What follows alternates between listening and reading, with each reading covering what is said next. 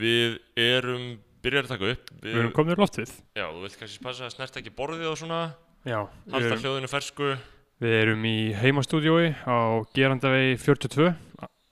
Mjög, mjög ferskir Mhm. uh, Þar sem við höfum stilt upp hljóðnumum okkar til þess að taka upp þátt dagsins fyrir ykkur, kæru hlustundur Einmitt. uh, Það sem við gerum ekki fyrir ykkur uh, er ansið fátt Algjörlega, það er uh, helgi, maður er smá uh, reyðgæður að taka það svona gastátt, það er svolítið, svolítið, svolítið langt síðan síðast, sko. Já, já, en ég held að ég held að maður sé enga stund að koma sér í gýrin en þetta er vissulega, það er vissulega þrjár vikur sem við gerðum það að- að eitthvað svona almennilegt gas, sko Einmitt, einmitt, uh, Drake-serían gekk vel, uh, kritikri acclaimed, Já, sannlega og uh, gott að vera komin aftur. Hvað eru svona helstu gasatriðin? Ég meina, núna erum við, uh, þannig við lýsum því þá erum við komin inn í fasa í þjóðfélaginu þar sem að hlutinni fara svona aðeins að gerast aftur. Boltarnir eru farnir að rúlla, barirnir eru farnir að opna fólk er farið á djammið. Þjónar fá að fara aftur í vinnuna og ríða hver öðrum. Mm uh, Það er alltaf einhver svo stjætt sem, sem ríður hvað mest innbyrðis er, er svo stjætt sko. Já, þau eru, eru kanínur, sko. Uh, kanínur finnst mér ekki gott orð, mér finnst það svolítið svona romantísera hvað eru ógísleg sko. Kanínur, eða Mér, finnst það ekki, mér kanínur svolítið svona óge, ógeslegt, Nei, sko. mér finnst það svona, það er svona ástúðlegt gæluheiti, mér finnst, Ég, ég, ég, ég sé það bara út af na, M&M 8 Mile myndinni, þá var hann kallað B-Rabbit, já, because he fucks like a rabbit. fucks like a rabbit, já, það er fucking viðbjöður vissulega, en, Já, það er en ógeslegt og þess mér- fannst mér þetta viðjandi mér finnst kanínur svona krútt, það hefur svona krútt element og mér finnst það ekki eiga við hegðun þessa fólks sem er að gera Nei, þetta. Uh, þau eru algjörlega, ég meina, bara, þú ferð inn á hvaða veitingastað sem er, eða bari, eða svona stórar einingar, það eru allir, þetta er mjög innbreytt held ég, sko. Mm. Já, já, já. og þetta er svona oft mentaskóla fólk sem er algjörlega að ríða Mhm. hvert öðru í drasl í svona aðstæðum sko. sem er held ég sko verður eftir rannsóknar efni að uh, aðtöfa með þjóna börn, hvað verður um þau? Börnin sem kom undan þessu. já, en þú veist, þetta er samt líka svo úrkynni að þetta er alltaf einhverja gælu sem er á pillunni og, og þetta er ekki gaurið sem nota smokka þegar íslenski kallmenn nota ekki smokka lengur en um, hitt er það að uh, það er svolítið sérstætt finnst mér sko hvað uh, mikið, hvað ég þekki mikið af fólki ekki endilega sem er núna að vinna í þessu en hérna fyrir tveim, þreim árum það voru eiginlega allir að vinna bara í veitingabransan sko. já ég var að vinna í veitingabransanum. Og það má eiginlega alveg skilur gera einhverja aðtöðun á því að þú veist út af túrismannum og út af þeim uppgangi sem varð vegna þess og bara sérstaklega í veitingabransan þú veist, þá voru allir að vinna, ég var að vinna líka bara á einhverjum bar skilur Þetta var bara svo uh, góð valjú vinna með skóla. Þú vinnur á kvöldin og aðra hver helgi. Þú veist, ég held að hafi svolítið mikið verið þannig að þú veist, ma- menn tóku uh, einmitt þessa, þetta vaktaskipan. Já, Einn ein, ein fastan dag í viku og aðra hver helgi. Ég Ég gerði það alltaf, sko. ég var með það í gangi uh, og ég fekk fínan pening oft þú veist, bara eitthvað Sjúku peningur. og ef maður datt á einhverja aukavaktir þú veist, þá var maður líka bara, þú veist, maður gæti fengið 100-200 skall á mánu, það var náttúrulega feitt að fá sko. 200 sko. já, já, en þú veist, þú hefst alveg verið vinnu og að fá meira en 200 skall sko. Já, já, upp, upp í 200 skall. Ég, ég, ég held að þetta 100 og 120. já, En ég var ofta klokk upp í 200 á mánuði, sko. já, ég líka, svona 2016-17 Já. og, og, en, og en, þú borgar allir neitt skatt út af persónalstunum. en það er svona, þú veist, aðtilsvert að átt, að segja á því núna hvað þetta hafði raun að veru alfarið bara verið mögulegt vegna túrismans. Þú veist, þú, þú farið ekki svona veist, það, mest, flesti kunnarnir voru aldrei Íslendingar. Nei, nei. og þó, skilu, þau voru kannski Íslendingar en þá var það þannig að, þú veist, einhvern veginn að túristin, túrismin stækkaði bara allt kerfið okkar svo rosalega mikið, skilu það gerði því ímislegt mögulegt sem, og, og gerði því raun og veru staðin meira næs Hann gerði þetta dót sko tölvört betra á Íslandi og þetta er mynd sem að getur ekki gerst við neitt annað því að þú veist það, uh, þunglind, ég verði aldrei þunglindur en því að hugsa um staðrendina að það séu 360.000 mann sem að búa hérna. Og sama hvað er skapað á íslensku þá er það bara með þennan markhóp 360.000 já, og það var svolítið henni að þú veist sama hvað var búið til inn á Íslandi það var einu sinni bara fyrir það var einu sinni bara fyrir þessar 360 manns þannig Já. að það var jafn þunglindislegt þannig að uh, það gæti gerst í framtíðinni með einhverju Google tækni þegar tungumál verða obsolít þegar við tölum bara saman uh, í gegnum eitthvað uh, í gegnum eitthvað automatísk Google Translate þannig að tungumáli skiptir ekki máli þá gæti það sama gerst fyrir uh, íslenska uh, listsköpun eða efnasköpun eða hvað sem það er að það myndi gerast í rauninni það sama og gerist fyrir veitingambrösa og eh, banari og allt þetta sko. Það væri gaman að sjá það. Nei, ég held að það væri ekkert gaman að sjá það. Býtu að það pásum aðeins eða aðeins að laga gæðin.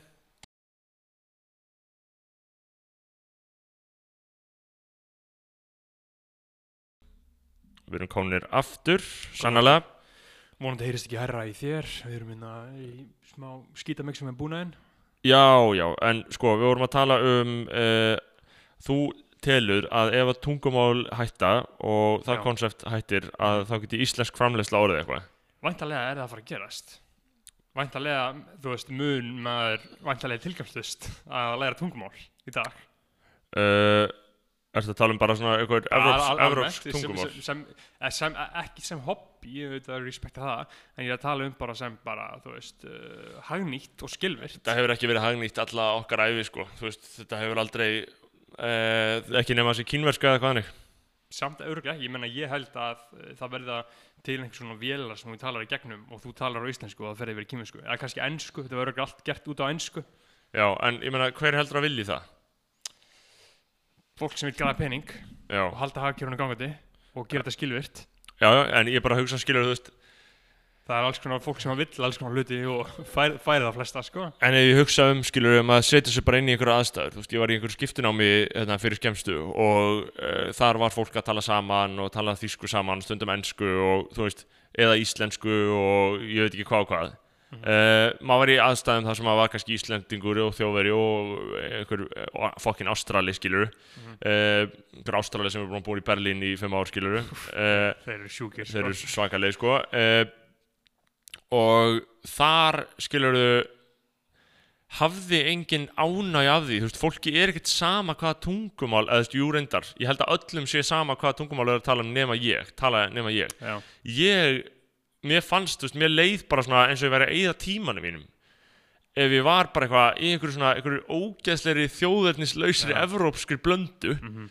Þar sem að fólk var bara að tala einhverja ensku og um hvað, þetta er svo fucking menningar snögt, að þetta er aldrei um neitt og ég, ég, ég tek, tek mikið eftir svo sem rosalega mikið skiptinum um alltaf í World Class Vassmýri Já, á mótnana, það er alltaf sami hópur á skiptinum. Mhm. og þau eru bara eitthvað, þú veist, eitt frá Hollandi, eitt frá Þýskalandi einhver mest fráhrindandi og, og, og eitt, eitt breskur og þau eru bara að tala um félagslífi í skólum og ég chattaði smá við þau sko, og þau sögðu þetta væri bara þau sögðu að það væri fucking æðislegt að vera á Íslandi akkur núna. Þau, þau fara bara út á land hverja einstu helgi, skoða allt þetta shit. Einmitt. og það að það, það, það er engin þau segja þetta sé bara það besta sem að þau getur ímynda sér fyrir lífsitt út af því að þau náttúrulega búa líka það sem búa í Hollandi og Þískalandi og alls það það er fullkomin lockdown. Bara allir sem við þekkja eru í fullkomin lockdowni og þau segja bara að það sé fucking geggja en segja líka ég spurði sem að komin ekki óvart að þau þekkja ekki stakan Íslanding af því að Íslandingar uh, eru vanið því að búa við apartheid samfélag og Já. tala ekki við útlendinga sama hvaðan þeir eru og kynnast þeim ekki nema eitthvað svona skrítið Reykjavík greipvæn fólk það þekkir einhvern einn, einn ástrala Já, ég, ég, þú veist, ég er alveg segur um þetta, ég þekki ekki útlendinga Nei. á Íslandi Nei, heldur ekki og þú veist, ég þekki meira þess að fólk sem, veist, ég þekki meira þess að fólk sem ég hef kannski kynst í Þýskalandi en býr nú á Íslandi og er þýst eða eitthvað Mhm. og samskiptin er ekki nein, þú veist, Nei. það er bara, það er, við búum við, já, ok, en það er kannski ekkert sangjart að segja þetta sé apartheid, en Ekki þessu, en ég vil meina þessi apartheid með í vinnum, með vinnum, verkafólki. já, það er apartheid. Já, uh, við erum að taka upp í bara stúdíun okkar á Köruskutu og eina fólki sem að vinnur á hótelinu sem við hliðin á, sem að við deilum uh, klósetti Mhm. og svona, uh, hvað, hvað maður að segja, nestis Eh, aðstöðu Já, það er náttúrulega eina, eina það er já, bara við kon- deilum það náttúrulega, deilum því ekki með þeim, en Nei, er en við deilum við ganginum, já. skilur og þú veist, við svona, Já, maður, maður chattar aðeins við þar þar, ég Já. hef svona reynd að gera það og það er allar frá Austur-Európa-löndum þernur á hóteli Já og það er algengt að fólk sé að senda pening heim og svona og, og staðar. Uh, Var ekki Gunnar Jörgen eitthvað að segja með að Ég veit ekki, hann var eitthvað að bulla með að, eitthvað, þegar fólk var að senda pening heim, ég man það ekki alveg Með Bitcoin, að Bitcoin væri svo gott fyrir þessi Já. lönd öll. Já uh, Ja, hann, hann var að segja sko að Bitcoin væri sérstaklega stert í löndum sem að trista ekki eigin fjármálakerfi Já, já, en, eins og Venezuela og Brasilia og einhver svona svona lönd af því að þau vita að ríkistjórnin hefur ekki stjórnaði já, já og, og mjög næst pæling þá að koma með Bitcoin til þess að grafa undan trösti á fjármálakerfinu þar sem að tröstið er til Já. staðar Já. uh, Þú veist, það er það sem þið viljið er, er það til staðar hérna á Íslandi? Tröst á krónunni, það er alltaf drullu saman krónuna skilur, það er ekki að pæla í krónunni. Nei, nei, en þú veist maður veit samt að það er ekki, það, það, hér var run Já, já, já. Fyrir, fyrir 11 árum. En svo er, það er einhverja kannanir núna það, sem hafa verið fréttum um að sko hrun að, að trösti sé mjög jafnt og þett að aukast. Mhm. uh, Já, hræðilegt og síðan var ég að hlusta á frétti núna að þau séu að fara að gefa lauruglinni 350 miljonir í ekstra sjóð og að fara að breyta einhvern lögum þannig með að njósna Já, ég sá það sko, þetta var á forsíðu morgunblæsins og Áslöð Arnar skrifa pistilum þetta í, Áslaug í, A- í morgunblæðinu Áslega Arna bóðaði þarna frekar svona uh, umfásmikla aðgerði, ég skal Jep. bara púlur upp hérna. Eh, hræðileg þróun.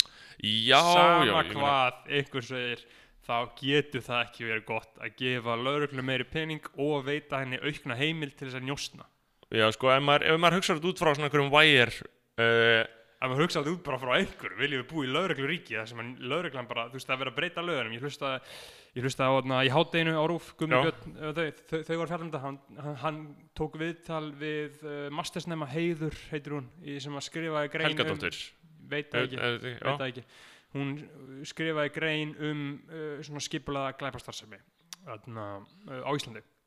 Mastersýtgerð, hún skrifaði mastersýtgerð um það og hún var að tala um bara hvernig þetta þróast, bla bla bla bla bla þetta er orðið allt miklu harðara. Og það lagabreitingin sem, sagt, sem að uh, er byrjað að ræða núna að breyta, er þess að breyta í lögum. Að samkvæmt íslenskum lögum núna máttu ekki fara að rannsaka einhvern og njósna um hann nefnum og sért með probable cause. Þú þarft að hafa, hann þarf að hafa gert eitthvað en þeir vilja basically, þau vilja, áslegarna hún vil breyta lögunum þannig að eða ég veit ekki hvað hún vilja það, allavega að vera að tala um það þá eh, vil- vilja þau breyta lögunum þannig að þú getur njósnað um eitthvað án sem það gert neitt. Mhm.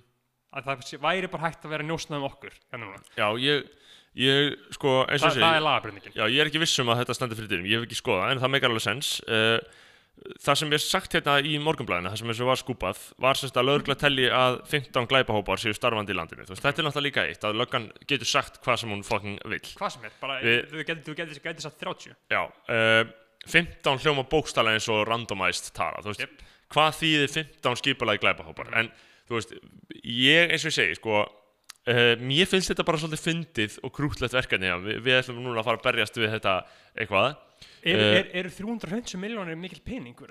Sko- hvað, hvað fyrir mikil peningur er listamannlaun Uh, það er einhverju nokkru miljardar 350 Já. miljónir í svona verkefni er veist, þetta er, þetta er alveg ágætt innspýting, þetta er af því að, sko málið með þessar 350 miljónir er að sagt, þessum 350 miljónum verður, þetta verður sérstakt framlag í lög, löggæsli sjóð Mhm. og uh, því er ætlað að efla lögreglan bara á þessu sviði. Veist, þannig að þetta er svona, þetta er eyrnamert þessu. Bara njó, njósn, njósnandelt En njósnadeild, nei, þetta snýst bara um gli- skipulega glæpastar sem við skilur uh, og af því að, því að hitti það að það eru veist, ok, jú, ég er alveg samanlega því að sé ekkert endla gott að gefa löggunni mikinn pening en þú veist, þau er að segja og þú veist, það sem ég hef heyrt Mm. er að, og, og það sem við höfum líka rætt sjálfir ekki kannski þættinum, en að löggan viti af alls konar sitt en hún er bara fullkomlega undir fjármörgum til að gera eitthvað.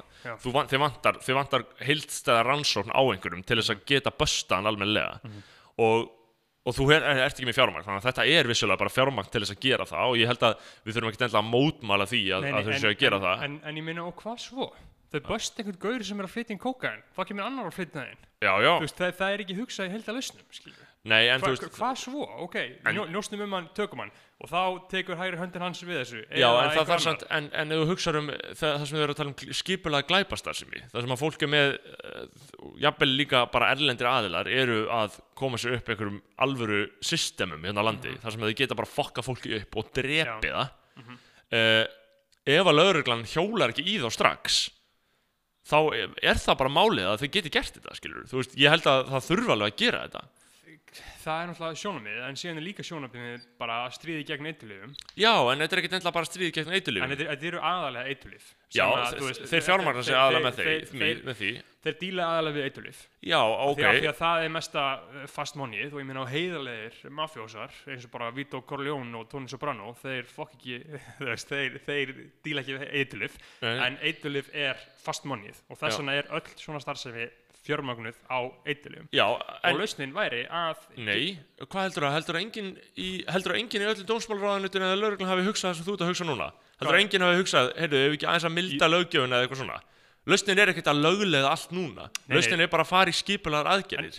Já, en nei, lausnin er ekki að hugsa um þetta uh, lausnin er að setja upp sko 20-30 ára plan hvernig er þetta að uppræta þetta Já, já, það er lausnin, lausnin er ekki hei böstum hann að gauður núna og því þá kemur bara eitthvað annar Ég er alveg Og því að, að að- þetta hérna er alg, þetta líktar mjög mikið af svona eitthvað, nú er eitthvað ákall um þetta, við ætlum að setja 350 miljónum og bösta þessa Já, gauðra. það er það sem ég er að segja. Ég vona að svo sé ekki Ég vona Ég að þau sé að hugsa þetta Já. 20-30 ár fram tíman Já. Hvernig upprættu við þetta? Er að- hvernig, hvernig gerur þetta þannig að það verður sem minnstu skæði á samfélagið og fólk og fórnarlönd þessara uh, glæpa gengja Já, ég er alveg sammála því og, og ég er alveg sammála að ég fíla ekki svona eitthvað yfirborðslega umræðu um glæpagengi en, Nei. en við finnst svona einfældnislegt að segja alltaf bara eitthvað löglega alltaf þá, þá eru þau bara eitthvað Já, já, hvað- já, ég, ég, er ekki, ég er ekki að segja það bara sko. Það ég, væri ég, er auðvitað ekki að segja Já. að þú getur farið út í búð og keftir einhverja ópjóða oxycontin pillur hver sem er þarf bara heildstæða áætlun til þess að í raun og veru, Já. það sem hefur alltaf verið kallað að afglæpa væða að ef þú afglæpa væði þá missir þá, þá sviftir þetta fólk tekjustofninum skilur Já. Og þá geta þær ekkit, þú veist, þá, þá hafa þær ekkert nema ofbeldi skilur, Já. af því þetta er það er með eitilöfum sem þess fjármækna starfsefni sem þeir Mhm. geta haldið úti í raun og veru, ef þú bara kallar það bara starfsfólki, þú veist, það Já, er bara já. fullt af fólki að vinna hjá þeim. Það er bara að borga þeim laun. Uh, ég, ég Þetta er rekstur. Og síðan ef við hugsaðum um skilur þetta rauðagerðismál, þú veist þetta morð uh, þar er Gaur Skotin sem uh, samkvæmt því sem mér skilst er bara til dæla svona venjulegur Gaur, þannig séð, hann var bara hittaður. var vist bara king. Hann var bara, hann bara mjög mikilvægur í samfélagi Albana en á Íslandi. Já. það var bara að koma að, þegar, þegar Albana kominga og tók hann á móti og kendi þeim á kerfi og gaf þeim bækur og hvernig að læra íslensku og bara svona var viðkunnulegur góður náungi. Uh, og hann er drepinn, ég veit ekki af hverjum og ég veit ekki af hverju. Það er það bara er, er allt fake news með, Já, ég trúi engum ég, ég veit ekki af hverju og ég veit ekki af hverjum en þannig að það er í raun og veru ekkert að ræða það. En þú veist, ég vil ekki að þú veist, að því að ég fór uh, þannig að halda frá að tala um Wire sem er alltaf bara drast, ég veit alveg að á ekki að tala um Wire alltaf, en ég fór þegar þetta morðmál var í gangi, þá fór ég einhvern mann um daginn, ég fór bara inn á Baltimore Sun. Baltimore Sun er bara síða, það er bara öfsíða uh, og þar er, þú veist, þar var bara níunda frétt, einhvers lengst niður á síðinu bara eitthvað veist, skilur hvað við? Já, já. Þú veist, það var bara lengst nýra síðan bara eitthvað, eitthvað smá, eitthvað móli um litl, nokkuð morð, skilur Ég hef komið, ég hef komið til Baltimore. Já, ég var þar í tvo daga. Og þannig útskýrið ég- fyrir hlustundu, þá eru The Wire sérst lauruglu þáttur sem þið verða að horfa á eða hafa tíma Já. um sem gerist í Baltimore í, og það er ekki lauruglu þáttur uh, eins og uh, típiski lauruglu þáttur eru. Þetta er episku þáttur og þetta er algjört listaverk. Já, þetta er ekki propaganda, þetta er bara að vera að sína þetta alveg eins og þetta er hliðar og, og fær líka hliða dópsalina og svona. Já, einmitt Og já, ég var í Baltimore uh, fyrir einu og hálfu ári uh, ætlaði að vera dag en var bara í tvo dag Já, af því að ég bara, veist, það var bara rosalegt ástandan og ég vissi ekki hvernig ég átti að haga mér eða hvað ég átti að gera það fórstu gett að safari eða? uh, ég keiriði aðeins um Já. og fekk samvinskupið Já. að ég á ekkert að vera að skoða að því að þú veist Wire sem sagt það gerist í East Baltimore Mhm. uh, en það er allir þættinir eru teknir upp í West Baltimore af því að East Baltimore það er bara of erfitt að taka upp hana. Mhm. þú veist, ástandið er bara gjörsamlega hræðilegt í þessari borg. Þetta er bara allur infrastruktúr er bara hrunni niður það eru ógeðslega mikið að glæpum hana Og ég þekki ekki hvort að sé þannig ennþá, en þú kannski varst að ég, ég, ég var að ná, mér, mér fannst þetta að vera kannski er ég að tala út frá einhver hvítu gauður með einhvern fokkin bakpoka að ferðast þannig, ég get ekki endilega sagt til um það. En mín tilfinning fyrir borginni var svo að það var gríðarlega fátækt og hún var út um allt, það var ekkert mér fannst ekki vera svona apartheid stemming eins og er New York Nei, mér fannst Það er vera bara út um allt veist, ég, man, ég var inn á aðna, uh, Starbucks Mhm. og þar var bara það var jafn mikið af sko, heimilislösu fólki að koma inn og fá sér vatn og bara við, við, við viðskiptafinnum og það var bara rosalega normalisir að það var svona rosalega mikið heimilislaust fólk. Ímyndaðir hvað það er fokkin brjála ástand. Væntalega á fólki að vera séð fyrir heimili skilur, þetta er bara mest basic shit í alheiminum. Og í bandaríkinum Galið. þá, þá er bara fullkomlega búin að normalisera það að það sé heimilislaus fólk. Að fólk þurfa að sofa á götunni. Og ég minna og það er til sérstaklega bara arkitekturstefna sem heitir anti-homeless Anti-homeless, architecture. já, Þú veist, það er svo fucking sjúkt. Svona einhverju brottar í Já, bekkjunum sem, og sem er svona svoleiðis arkitektúr uh, að, sem að passar upp á það Það er engin sofik að enginn fái að sofa. Ímynda þeirra Veist. í staðin fyrir að gefa þessu fólki þakki við höfuði þá, er, þá, þá eru bekkir og einhverju plankar hanna til þess að geti ekki sofa Þetta er svona svo á flugvöllum, þetta er svipað koncept sko, það er að gestir svo ekki. Já, uh, Þar hafið þið, kæri hlustendur, kannast uh, sest, kynst svona infrastruktúr. Já, já, uh, En já, það, það er galið sko En En já, með, með, með bara þess að lögreglu umræðu og allt svona, ég bara set stóran varnakla við það að þau séu að fá einhverja innspýtningu inn til þess að gera eitthvað smá núna, fer ekki neitt og er ekki að hugsa í heildstæðum góðum lausnum, ég meina eins og maður, þú veist, fíknefna laust Ísland árið 2000, skilur, Já. það voru pælingar, skilur, en sko, fólk held að það geti gert það. en sko það sem var eh, þú veist, og, og þetta er náttúrulega líka bara nákvæmlega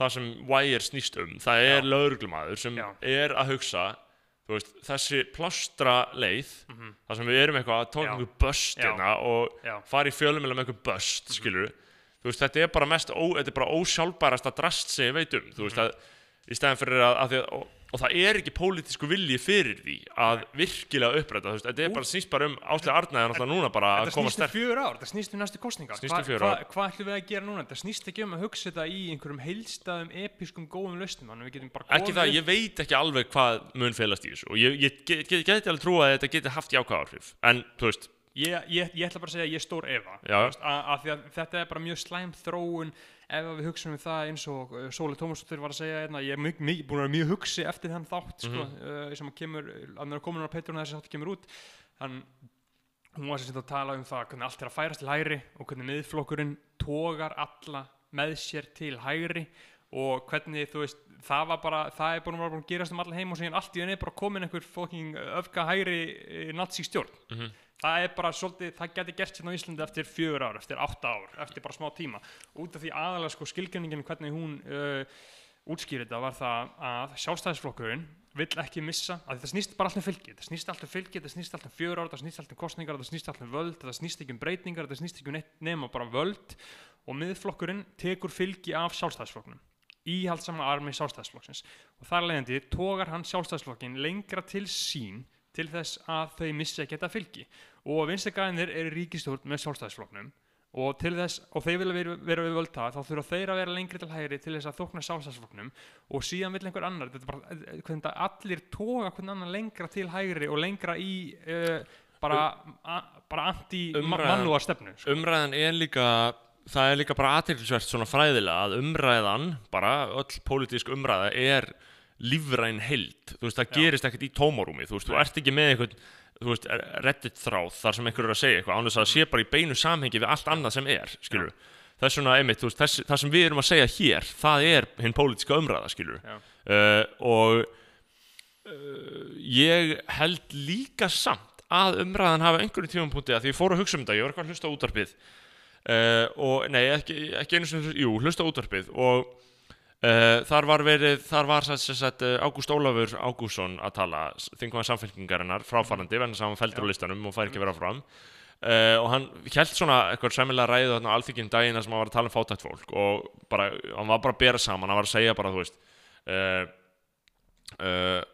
ég sjá, að finna það, ég er ein, eina, eina sek að finna það. Uh, það sem hann var að segja bara, þú veist, hann held bara þessa ræðu á, á þingi og hann er náttúrulega sjálfur að fara út, þú veist, þannig að þetta er uh, þetta er svona, þú veist, hann er ekkert að reyna einhvern veginn endilega að ja, afla sér fylgis nöðsynlega, ég veit það ekki alveg. En alltaf, ja, þú veist, það er alltaf eitthvað agenda. Jú, auðvitað er alltaf eitthvað agenda og ég veit ekki hvort hann vilji hvort hann vilji fara áfram, ég get alveg trúið. En hann segja þess að það tekur meðal forstjórun í kaupallinni og hálfan dag að vinna sér inn mánaðar tekjur öryrkjans. Þú veist, einn og hálfu dagur fyrir Já. meðal forstjóra að vinna sér inn Mhm. mánaðar tekjur.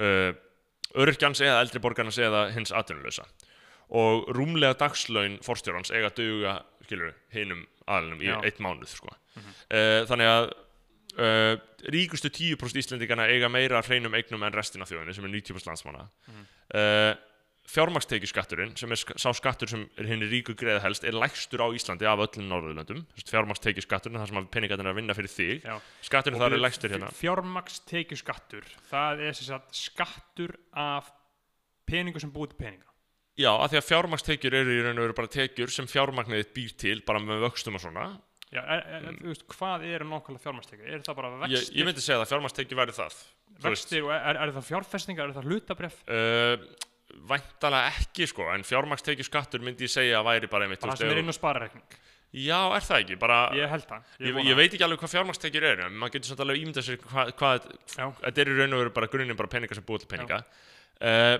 uh, veiðilega gjöldin sem helst hinn stóru borga lækkuð um tæp 60% af þreymur árum segir Ágúst. Uh, á saman tíma búa 35.000 Íslandingar verið fátækt. Af þeim eru 10.000 börn. Og á saman tíma hafa aldrei jafn margir þurft að sækja sér mataraðstóð hann sagði þetta í þinginu og bara uppskar nokkuð uh, jákvæð viðbröð við þessum, þessari ræðu. Uh, bæði bara Facebook og hefur verið að deila svo þar. Og þá hugsaði ég skilju hérna hefur stjórnmálumræðan að einhver leiti líka verið fært til vinstri þú veist, það er ekki eins og fátækt sé eitthvað sem megi ekki tala um í íslensku stjórnmálum, skilju hvað ég við? Nei. eins og það er í bandaríkjunum, við hugsaðum um umræður sem færast já. skilju þú veist, hérna er mjög mikið af fólki jafnvel þó að þetta sé, séu sjónamið sem vissulega verða ekki ofan á Nei. vegna þess að henni er ríku vinna. En uh, jafnvel þó að þetta séu ekki sjónamið sem verða ofan á það má samt tala um þetta. Þú, veist, það, það, þú, þú ert ekkert eitthvað alveg galinn og þú fæl að segja bara getum við hérna hjálpað öryrkjum? Eða þú veist, eitthvað svona. Þannig að það er líka eitthvað sem við getum verið tiltölulega ána með að einhver leiti að við getum talað um þetta en það, hefur svona eitthvað merkingu, ég veit alveg það væri náttúrulega gott ef það væri gert eitthvað í þessu Já, já, ég, eins og ég segi, ég er svo gríðarlega vantrúaður á uh, okkar líðræðislu skipan með uh, þessa fjöra ára kjörtjumbil og þess, þetta flokkakerfi. Uh, mér finnst frekar góð pæling hjá okkur um daginn að hafa kostningar á alþingi nafnlausar. Þú veist þannig að uh, þú værir þingmaður, 163 þingmönnum, mögulega fyrir sjálfstæðarflokk eða samfylkingu eða vinstri græna eða pírata eða hvernig sem það væri. Og þegar væri verið að kjósa um mál þar að segja frumvörp, hvort þau eiga að verða að lögum eða ekki, að þingsálatinu til lögur þá væri atkvæðið nafnlaust þannig að það myndi ekki standa hvað á göst það var einhver að segja, veist, þetta myndi náttúrulega valda því að fólk myndi raunverulega fylgja í samfæringu í málum en ekki flokkslínu Og hvað heldur þú sé að stoppa þessa breytingu? það er örgulega mjög, mjög mikið af sjónamöðum hægt að týna til gegn þessu, sko, þetta var bara eitthvað sem ég heyrði svona rétt svo fleikt til, sko, ég hef aldrei heyrst að pælinga áður, sko. Já, ég heyri þetta bara. Hm, Já. Já, já, en það er eitthvað, þú veist, það er öruglega alveg hægt að drepa þetta mjög auðvitað í fæðingu, sko, en uh, sömulegis, þú veist, er líka sjónum með að auðvitað að vita hvað okkur kjörnum fulltrúum finnst og hvað þau eru að gera, þetta getur líka verið uppskrift að martur ef allir færi að kjósa hluti, Já, skilur, já, já, Eh, allir væri bara eitthvað, "Eh, hvað, hvað gerist þér Já, eða? sem segja sem raunverulega finnst. Já, Já, um, það, það var náttúrulega ræðilegt sko. En svo er líka í þessu lauruglumáli sko að það stendur inn í morgunblæðin allavega að sko þessar 350 miljón, miljón, miljónir sem kom í hlut lauruglu til þess að gera þetta komu í hlut lauruglu frá bandarískum yfirvöldur vegna að, yfirvöldum vegna aðstofar í Silk Road málinu þar sem glæparhingur á myrkravefnum var upprætur uh, þannig að þetta er gjöf frá uh, bandarísku lauruglu Fyrir að hafa hjálpað fyrir að hafa hjálpað Silk Road áskrift. já. Ok, Sem- það, er alveg hræðilegt. Það Þannig að við- einhvern veginn svo illa sko. Já, þannig að ofan á það að þessi vera að fjármagna laurugluna til þess að stunda njósnir á, á fólk, þá er þetta blood money. Þá er þetta bandarískur blood money. Það er þetta bandaríski peningar sem er ógeðslega fyndið sko. Það er bara blóð uh, lítila mexikoska barna á þessum peningum. Já, þarna um, það er alltaf mjög, mjög, mjög fyndið sem allt sem, ég, ég reyni að hætta að fylgjast með bandarískur svona sko, núna með Biden sko, því að þú veist það er bara það steipir manni bara mjög miklu dýpra ofan í þungliti sko uh, Ég- ég, ég, reyni að hætta en stundum kemur upp á Twitter hjá mér skilur svona af og til eins og sem er gangi í bandaríki núna þú veist, það vil ekki hækka minimum wageið upp í uh, Já, já. 15 dólara og síðan, að þú veist, pælti hvað er erfitt að vera bandarískur uh, bandaríst celebrity, eins og bara S- Sarah Silverman, hún mm. uppistandari Já. það var verið að svífara hann á Twitter núna hjá mér í morgun út af því að hún öðna, fyrir mánu uh, tweetaði hún eitthvað uh, tweetaði hún eitthvað gegn Trump og börnum í búrum Mhm. skilur bara, bara get these kids out of their cages skilur og núna mánuðu setna þá var hún að retweeta einhverjum þræði þar sem var verið að vernda það að bætin var að setja börn í búr Já, já, veist, það heitir eitthvað svona early, early eitthvað svona eh, immigration center Já, eitthvað, já. eitthvað adapt, adapts, adaption eitthvað þannig basically bara bætin er að setja börn í búr. Já, uh, en Trump sagði bara beint út að hann var að gera. Já, og, og Trump og, en, en, en Biden segir einmitt eitthvað early immigration adoption hey, Já. come on man, come on man. Já, já, ég held að þetta sé alveg sama dæmi, sko. Uh, en já, þannig að bara ég meina við uh, ljúkum þessar umræðu um laurugluna og uh, auka fjármagn, þá bara vona ég innilega að uh, við þróumst ekki út í öfgahægri uh, laurugluríki Já, já, já. Sem að Ísland er ekki eins og er en gæti svolítið lettilega þróast þannig. Já, þetta er uh, þetta eru rosalega stóru spurningur ég held að það sé alveg rétt að þurfi pólitíst átak til þess að þetta þróist ekki út í laurugluríki að viljið lauruglunar er þe þe þe þetta er normið, þau vilja stefna hana Nei, og auðvitað er það skiljanlegt að þú viljir að, þú veist, ég myndi vilja að dagblöð réðu öllu þetta, skilur, þú veist, ég að því Já. ég vinn á dagblæði, þú veist, bara, þú veist, það vilja allir heimsegur á, sko, en þetta er bara spurning um að bara setja fótið niður, skilur, Það, það er út af þessu, út af því að það er einhvern veginn svona einbreyta í mann, bara það að, hvað maður að segja, ná árangri eða að uh, framþróun, það er alltaf að stækka, að vaksa, hagvöxtur, meira, meira, Já, meira, og, meira, og, meira. og fyrirtækið þetta er basically að fara á hausinu og þú ert ekki að vaksa, Já. þú veist, það er alltaf þannig, þú veist, Það er er, ef það er ekki vöxtur, þá er, og, eins og gerist við, eins og gerist við aðna, Bialetti, könnar, mhm, það eru svo góðar að það fór á einmitt, að þú kaupir einu á 8-30 ár, bestu kaffikunni sem hættir eiga, ítalst fjölskyldu fyrirtæki, farið á hausinn að þetta var of gott. Og er þið farna á hausinn, heldur það, Það var, voru einhverja fréttir um þetta daginn, veist, pæling. þetta var, var bara eitthvað gjaldrátt, Mhm. af því að þetta er bara of gott, Mhm. of mikið good shit, þannig að þú þarft að framlega bullshit. Og þú þarft að vera pólitíkvis með léleg stefnumál og kjafta til þess að ná þess alltaf bara short term, merkilegt kerfi, umrætt shit, svona höfðu þau byggt þetta upp. Og síðan alltaf heimurinn að fara eftir 30 ár, vissir það? loftas eitthvað, Já, er það málið, Já, það, það? já, ég, trú ekki, trú ekki að svo geti verið, er- getur getur það verið, það er fakt, Þrjá- 30 ár, eftir 30 ár þá verður 1 miljardur manns þurfa að fara frá heimurinn sín Mm. það mun ekki hafa neinn Ísland verður í góða lagi eftir 30 ár sko. Ef við verðum ekki komið með öfga hægri fastastjórn sem að bannar allir innflytjendur sem við munum örgulega vera með en auðvitað ættu við á Íslandi að taka við 200 miljonum Sko, ef þú hugsaður út í það svona, málið er að ég var ekkert að tala um spænska við minn, bara núna fyrir skemmstu, 2019, Mhm. og hann var að segja að uh, lofslagsbreytingarna muni hafa það í för með sér að þetta gerist, sem leikur fyrir, að, og til þess að útskýra það fyrir fólki þá, þú veist, að mun uh, þessi, þessi stóra loftslagsflótamanna bylgja orsakast fyrst og fremst að því að til dæmis jökla bráðna þá eigðilegst einhver á Já. sem er grundvöldur fyrir bara gróðri og þarna, eh, ræktun á einhverju stórum landsvæðum Jep. sem skaffa svo mörgum mat þannig að veist, þetta verður matarbrestir sko. Mhm. eh, bara en að fólk átt sig á eitthvað á því hvað getur gerst það er ekki að það verði eitthvað óhlýtt eða of heitt þetta er bara svona áhrif það, og það, afleðingar það, það er það og síðan er líka það bara vísindalega faktið að því heitara sem að uh, það verður í loftslæginu því auknar líkur eru á hamförum, náttúrhamförum svo sem flóð, uh, jarðskjáltar snjóflóð og aðna, alls konar sitti sem bara, bara vind, hurrikanum og bara fullt af ræðileg sitti En- því heitara sem verður því meiri líkur eru á svoleiðis gerist já en það sem þessi vinnum minn var að segja var að eh, og, og þetta er nazi skoðun hjá honum Mhm. eh, að ef að Evrópa vill viðhalda lífsgæðum sínum Mhm. eh, þá þarf hún að herða og herða og herða og herða að annars er að koma inn fólk sem er ekki að eh, í raun og veru íta endilega beint undir að lífsgæðin séu svona há að meðaltali. Og þess vegna þarf bara að herða landamenn. Og hann var bara að segja að þetta er náttúrulega algjört gas Þetta er sko. sko? ógæsli skoðun. Já, þetta er ógæslega skoðun og algjört gas. En, en þú veist, ok, ef við gefum okkur bara að þetta sé rétt að ef Mhm. að við viljum viðhalda lífsgæða standardnum uh, þá þurfum við að hefta innflutning fólks. Uh, að ég að ég segja hvað þurfum að gera í staðin fyrir að hefta innflutning fólks í, Já. sta, í staðin fyrir að banna fátöku fólki að gera sem vil gera Já, þá þurfum við að ráðast á ríku eat the rich og taka Já. peningi þeirra og búa til kerfi sem Já. að leifir þessu fólki að Ég- koma og ég- gefa þeim pening ég er alveg sammála þér Það- það- ég, ég er alveg sammála þér, Já. ég er ekki að, segja, ég er ekki að tala fyrir hinn en, ég ég, ég ég en ég er að segja að ef að þetta er rétt að Mhm. ef að við viljum, viljum hal- viðhalda lífsgæðum okkar að þá þurfum við að gera þetta Mhm. þá er svo mikla líkur á að við munum lokalandamannum að það verði pólitískur veit hérna veist, fyrir því að viðhalda lífsgæðum mm að það vilja flestir hérna viðhalda lífsgæðum sínum Mhm.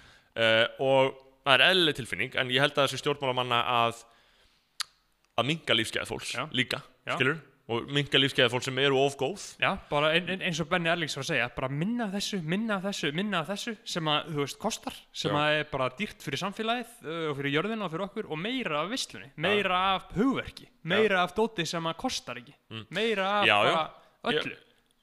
Já, algjörlega en, minna en, hlutum, meira af vislu en, en svo erum við með þetta daglega líf líka.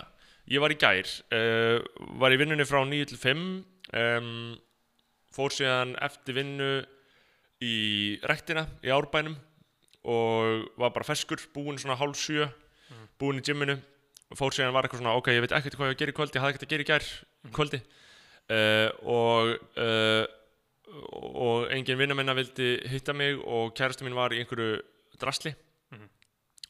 þá uh, fór ég í hagkaup uh, það sem var sko, þú veist, ég kom að inn í hagkaupskeifinu og ég hugsaði að þetta er ómikið úrval það á ekki að vera svona úr, mikið úrval til Já. þú veist, þú ættir að koma þarna þetta er eins og, þetta er, þetta er ekki eins og þetta var sko, úrvalið þarna er algjörlega geðsjúkt sko Hvað meinar þú? bara tróðfullar hillur af öllu og allt til og og bara voru, voru, voru pakk- ameríski dagar eða? Nei, ekki einu sinni ameríski dagar það, það er eins og sem bara varanlegir ameríski dagar ef þú myndir koma að inn í hagkauppskefinni Mhm. ég veit ekki hversu langt þú sem komst að inn en þú veist, það er svo mikið á úrvali að dóti þarna, það er Já. Galið sko uh, og ég, ég held þessi opið allan srónleikina sko Mhm. uh, og ég kom þarna og ég hugsaði bara, þú veist ómikið úrval og, en síðan var ég bara að kaupa mér hluti og ég ákvað bara eitthvað að ég ætlaði bara að fara heima að hóra að geta betur uh, og ég ætlaði bara svona að fá mér eitthvað smá snart hérna því að ég hafði borðað mikið hátægismat í vinninu ég veit þetta er boring og keft mér snakk og nammi og eitthvað svona mm görm bara, skilur, og pilsner Já. og eitthvað Já. og ég ákvað bara, ég ætla bara að eiga góða stund hérna, skilur, þetta verður bara good shit kvöld, þannig Já. séð og var það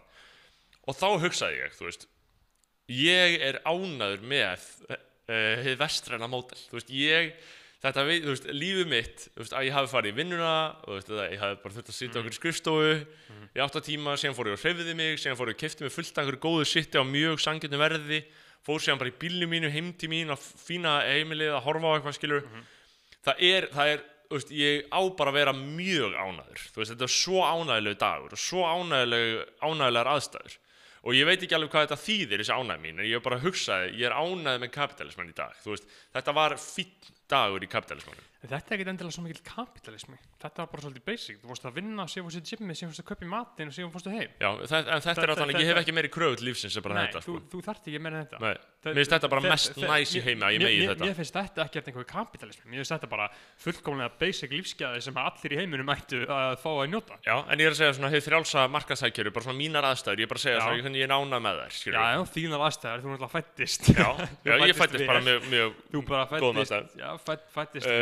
að En, uh, og ég veit svo sem ekkert hvað ég meinti með því, en, en Nei, nei, en ég, ég, ég, ég skil hvað þú meinar. En, en síðan koma dagar, náttúrulega þetta var bara góðu dagur, Já. þú varst andlega heillana, Já. þú átti góðan vinnudag fór síðan rektina og síðan koma dagar þar sem að þú liggur upp í rúmi og hristist um í það, það, það, þetta er bara þú veist, þú getur alltaf valið það æðislega skilur, En uh, maður spyr sig, er það þá að fara að gerast að, að veist, að, ok, spurningin mín er kannski frekar þessi bara, hvað mun gerast þegar allt þetta fólk Já. missir heimili sín? Já, og það, þarf það, nýja, það, það, er engin að fara að taka þetta af þér.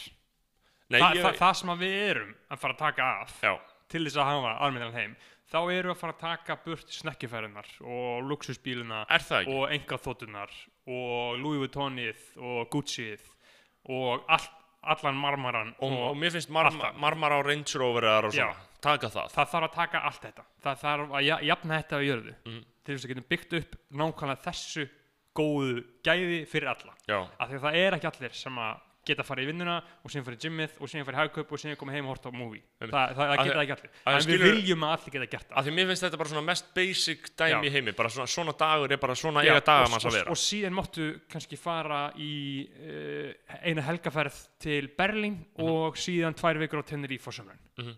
og mátt fara upp í sömurbústæðin og það er bara góð gæði. Það er Já. allir að geta gert það. En það á enginn að geta farið á snekkjunni sinni til Monaco og gamblað fyrir 30 miljón dollara og farið síðan heim til sín í einhvern kastala, það, á enginn að þurfa að gera það. Það, það alveg- það enginn. við, við, við, við viljum að allir lifi lífið eins og þú Já. lifir.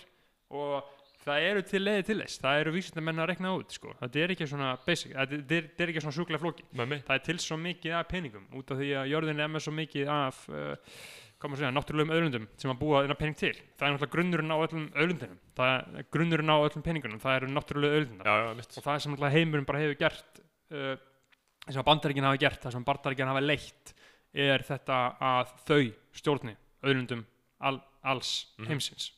Og það er svolítið að sorgla það er það sem við þurfum að uppræta. Það sem við þurfum við byltingu í bandaríkinum það, það væri skrefið á öllu skilur, Já. ef, ef það gerast þar. Það myndi bara koma bara blóðug bylting þar bara þú veist eh, stríð. Það væri aðtilsvert borgarastríð sem að gæti alveg gert ég, sko. held að, ég held að við munum sjá einhverja fucking crazy hluti. Við erum fyrir að fara að sjá rosalega hluti. Uh, bara það er allt, allt út af þessum loftslagsbreyting það hefur svolítið verið abstrakt hjá mér en ég meina bara eftir 30 ár þá er einn miljardur, einn áttundi mannkins Mm. þarf að fara einhvern annað og hvert á þetta fólk að fara? Það mun annarkot fara einhvert eða það verður drepið skilur eða það verður bara tætt niður með hrískotubissum Já. það, það er annarkort sko. Mm. Er hann, og mér finnst þetta svolítið leiðileg tugga, típi svona liberal take uh, en þú veist, með innrásina í uh, kapitalið uh, að þetta verið svart fólk. En þú veist, maður þarf að horfa sig yfir það, bókstaflega. Hefði þetta verið svart fólk Það hefði verið að hefði verið tætt niður. Já. það hefði verið tætt niður á sekundunni með hríðskotabissum Já, það, það er bara ekki spurning. Nei, og þetta er svolítið slapp take og það fullt að lelu boring fólki er búin að segja þetta. En þú er svona svolítið sannleikur sem að það horfast í augu við og, og átt að sjá og eins með það, maður, maður þetta að horfa á þetta svolítið segjum svo, ég held ég að tala um þetta áður uh, að þú veist, maður fyrir á Bali, skilur eða kemur til Íslands, ef að manneskja kemur til Íslands hérna er náttúrulega ekki, hérna er auðvitað rasismi en rasismin er ekki jafn áþreifanlegur í samfélaginu út af því að verkafólki sem kemur hingað er hvítt, það er frá Östur-Európu upp til hópa, sko. Út af því að við erum með ógeðslega útlendingalöggjöf sem að leifa ekki svarta fólkinu að koma hingað sko, og, og lita fólkinu. Og þannig að ef þú myndir koma hingað til bara geimur að myndir koma til Íslands og myndir sjá öll vel launu störfin, þægilegu störfin starfið þitt á Já. skilurðu, og síðan myndið að horfa á hverju var að vinna það og síðan hver er að vinna erfiðu störfi Já. hver er að þrýfa og hver er að byggja skilur. þá myndu hugsa, já, ok, Íslendingar er að gera þetta og útlendingar er að gera þetta Já. skilur. bara já, ok, uh, kerfið er byggt upp þannig að og þegar Ísland var, uh, við hefðum alveg getað verið eins og östu örbafólkið sko. Mhm. en við vorum bandarísk hjálenda og lendum í því að fá pening frá þeim og náðum að uh, establisera einhverju dominansi sko.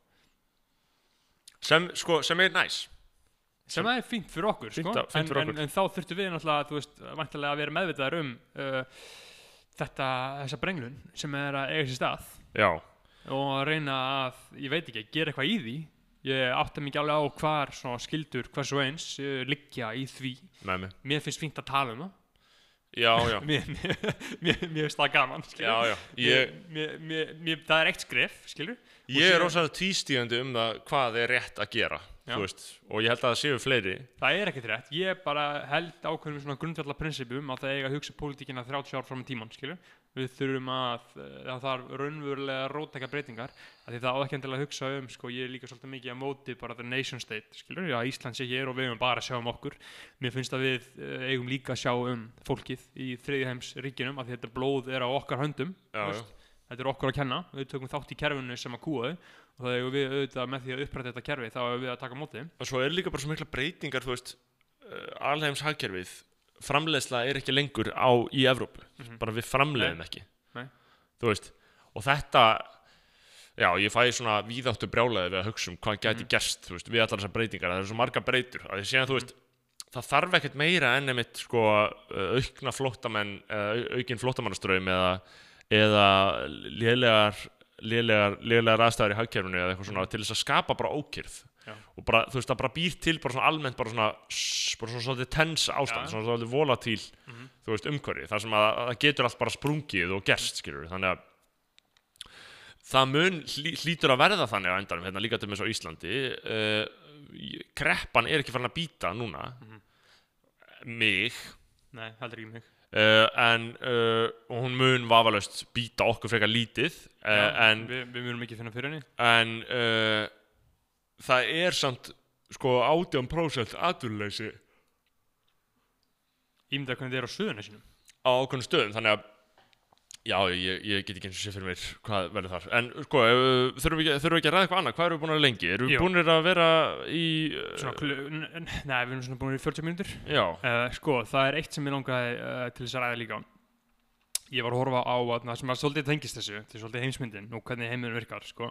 Hann sem sagt, uh, David Fogel var að gefa út nýja heimildmynd sem heitir The Dissident Hefur séð það? nei, Hefur séð um hana? nei Þetta er sem sagt mynd um Saudi Arabíu og morðið á Jamal Khashoggi. Þú hefur heyrt á sögu. Jú, ekki? Jú. Uh, hann gerir heimildamönd um þetta. Og The Dissident er Jamal Khashoggi. Akkurat. Og þessi, þessi, þessi gaur, Brian Fogel þetta er bara mjög kritikaklind. Hann gerði heimildmyndina Íkars Mhm. á, sástæðana, á Netflix. Um rússnesku, hvernig Rússland uh, svindlaði á uh, í olimpíuleikunum með því að dópa. Já, og síðan ger hann Blackfish líka SeaWorld heimildmyndina já, ég Já, henni. Þetta er- já, ok, er þetta hann. Þetta er bara, hann er bara svolítið svona kongurinn í þessu sko. Mhm. gerir bara svona virkilega velgerðar góðar heimildmyndir og nýjasta myndina sem kom út síðasta haust hún heitir The Dissident og snýst sagt um þetta mál uh, að Jamal Khashoggi.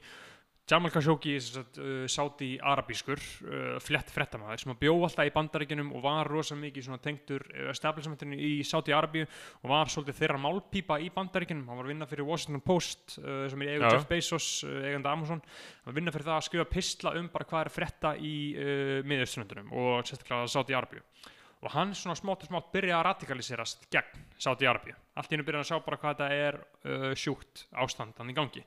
Og síðan tekur uh, nýji prinsinn við uh, prins bin Salman- bin, bin, Salman, P PBS og hann voðar öllum svona reforms og allt svona og, og síðan er það svolítið áverð að alltaf þegar einhver nýr kemur tekur við og vonar og lofar rosalegum reformum og allt mun breytast núna það endar oftast í uh, einræðisherra og fasisma sko. Já, er, er, ekki svona, er hann ekki líka að gera svona liberal breytingar sem svona CNN peppar eitthvað svona, sjáu hvað þau eru ekki lengur í búrkum og já, núna með að konu keira Já, svona svona og alls konar svona og hann er með sko bara rosalega útópíska sín á heiminn sko. Hann er að því að uh, Sáti Arabia, það er þetta land það búa alveg 30 miljónar land eða eitthvað. Og maður veit náttúrulega ekkert um þetta. En þetta heitir sagt Sáti Arabia út af, út af þessari fjölskyldu. Sáti fjölskyldan þetta er basically bara þetta væri bara eins og Ísland heiti engi er Ísland eða þú veist, veist. bara Bjarnabeðin Ísland. Mhm. þetta er bara svolítið hannig þetta heitir bara Sáti Arabia út af þessari Sáti fjölskyldu. Og þau eru búin að stjórna hana bara í einhver ég veit ekki, 100 ára eða eitthvað. Þetta er ekkert svo gamalt ríki sko. Þetta er náttúrulega rosalega flókin saga allt þannig að með Östurlundunum og Arabíu ég er ekki sérfræðingur í því. Og þeir sem sagt eiga ég held að 80% allrar ólíu heiminum.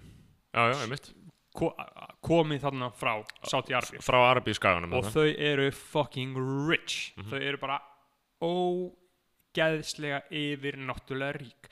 Af því að ólja er það sem heldur heiminum uppi. Ja. ólja er bókstallega það sem að keira allt áfram. Og ólja er ástand, ástand fyrir því að við erum að fara að vera extinct hérna 2070 það er bara uh, staðnandi málsins ólja bara keira allt áfram og þau eru bara ógeðslega rík og þetta er bara ein fjölskylda þetta er bara, þú veist, ég veit ekki, 40 manns eða eitthvað Mm. sem eiga sem sagt bara eitthvað 99% af all, öllum peningunum í Sáti Arabíu allir hinn, þetta er bara svona peasant Já, þjóð, já, algjörlega. Já, þetta er bara Það er svona þræla rosaleg, þjóðfélag. já, rosaleg kúun og bara alveg hræðilegt og já, þá er svona svona baksa með, með Sáti Arabíu og síðan tekur þessi prins við Mohammed bin Salman og hann svona var í svolítið vald, valdabaráttu því hann var ekkert, hann var ekki krúnprinsinn skilur, hann, hann er bara prins, hann er ekki kongur. Það er kongur hann, en kongurinn er orðin sínæl og er ekki að gera neitt lengur. Og prins, prins Salman var bara svona uh, sko nefjúin hans kongsins eða eitthvað svolítið, en náði einhvern veginn að uh, riða sér til rúms þarna og komast til valda. Og lofar þessum reforms og segist að gera þetta, þetta, konu fá að keira og hérna verður allt í veistlu en síðan kemur svona morðið á Jamal Khashoggi. Sem sagt, hann var byrjar að gaggrina rosalega mikið prins, prins uh, bin Salman. Gaggrinir hann rosalega mikið í bara bandarísku liberal media og síðan er hann eitthvað í uh, Tyrklandi.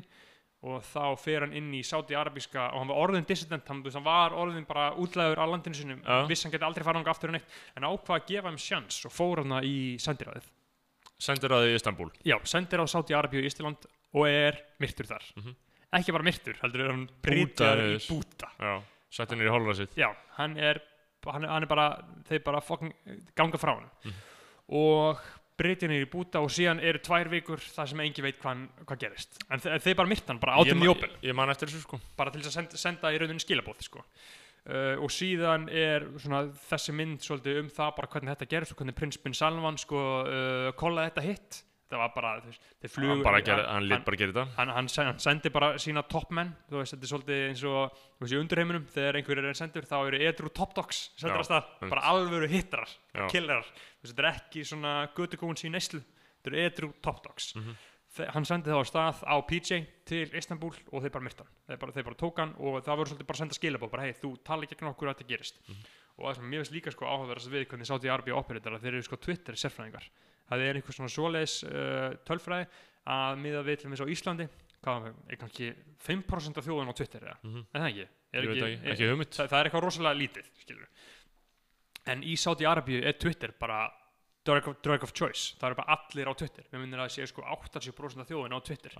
Og því er öllu stjórnað af konungsfjölskyldunni. Einmitt. þeir eru bara búin að rettfoka alla algoritma og öll hashtag og eru með fullt af trollakántum og bara gessan að stjórna öllu. Þannig að allir fá fake news sitt fullkvæmlega á Twitter Á er er Og sko- þau halda þau séu frjáls. Já, já, þetta er sko magnað hvernig þetta er sett upp í heiminum Mhm. sko. uh, þetta er sko alveg rosalegt hvernig þið nota svona trollakánta til þess að stjórna fólki sko. Sko og síðan uh, náttúrulega er þetta líka uh, að mörguleiti mjög flókið utanríkismál fyrir bandaríkin. Þess að bandaríkin eru eru mjög miklu hagsmunasambandi við þau Sáti-Arabíu eru að fá olju og þau eru að selja um vopn og láta, og láta allt sem vindum eiri þjóta sem Já. þessi gaur gerir og það er kannski ekki margir sem vita en sko Bin Laden Osama Bin Laden, hinn eini sanni hann er frá Saudi Arabíu Já. hann er ekki frá Afganistan, hann er ekki frá Írak hann er Saudi Arabíu royalty sem var radikaliseraðist gegn bandaríkinu já, já.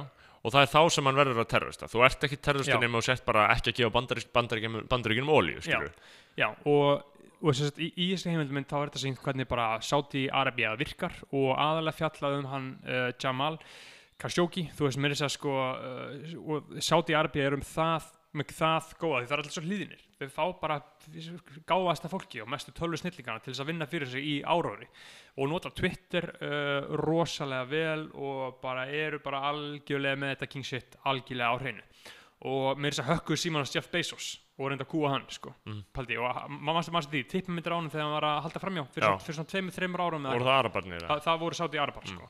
og, og hann ákvað bara að leika þessu sjálfur sko. hann tók bara, þú veist, bara hérna er ég skilur, í staðan verið að vera kúaður sko. En, en uh, það sem gerði síðan er að núna er, er allan svona eitthvað bandarist intelligence, það er að gefa út eitthvað skýrslir sem að segir svo svolítið skýrt að þetta hafi verið prinsinn, að þið voru alltaf núna, er, núna er CIA að viðkjanna það Já, já. skilur Uh, og, og, en, en eins og kemur fram í myndinni sko, þá að Trump talaði ekkert gegn þessu Trump, þú veist. Nei, nei, já, akkurat. Það, það, það er sko geggja footage af honum að koma í heimsókn og taka hönd á taka höndir á öllum sheikunum og furstunum og öll það sko geggja sko.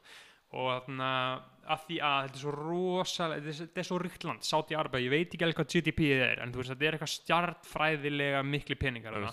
Og þú tala gegn þessu þá bara ertu fókt, þá bara á rattfokkaði þig. Þeir eru með það mikið völd að þeir eiga svo mikið pening út af þessum náttúrulegu auðlundum og þessi mynd fjallar í rauninu um þetta hvernig þetta þeir hafa óknatak á heiminum og stjórna öllu og myrtu hann Jamal af því að hann talaði gegn þeim til þess að senda skilabóð, þú talar ekki gegn þeim. Og það eru fullt af svona, svona dissidents út um allt út, út um allan heim sem tala gegn þeim á YouTube en það er eiginlega alltaf bara rættfakað það er bara magnað hvernig þið viðhalda þessum áræði en síðan alltaf í myndinni skilu að það er þessi mynd er ekkert er ekki, að það er nokkuð viðtöl við svona fyrirhundi CIA direktora sko og maður alltaf er alltaf að taka því alltaf CIA er viðbjúslegasta ógeðslegasta stofnun mannkynsögnar Já. þannig þá þarf maður svolítið að uh, hugsa, hug, hugsa tvisar um það en þú veist, þetta er svona geggju mynd sem að sína allt þetta hvernig þeir rættfakað og alveg bara hvernig bandaríkin leif þessu að gerast að því að þeir eru að selja þeim vopn. Og bandaríkin eru svo bandaríkin eru svo ógeðslega góð í að framlega vopn.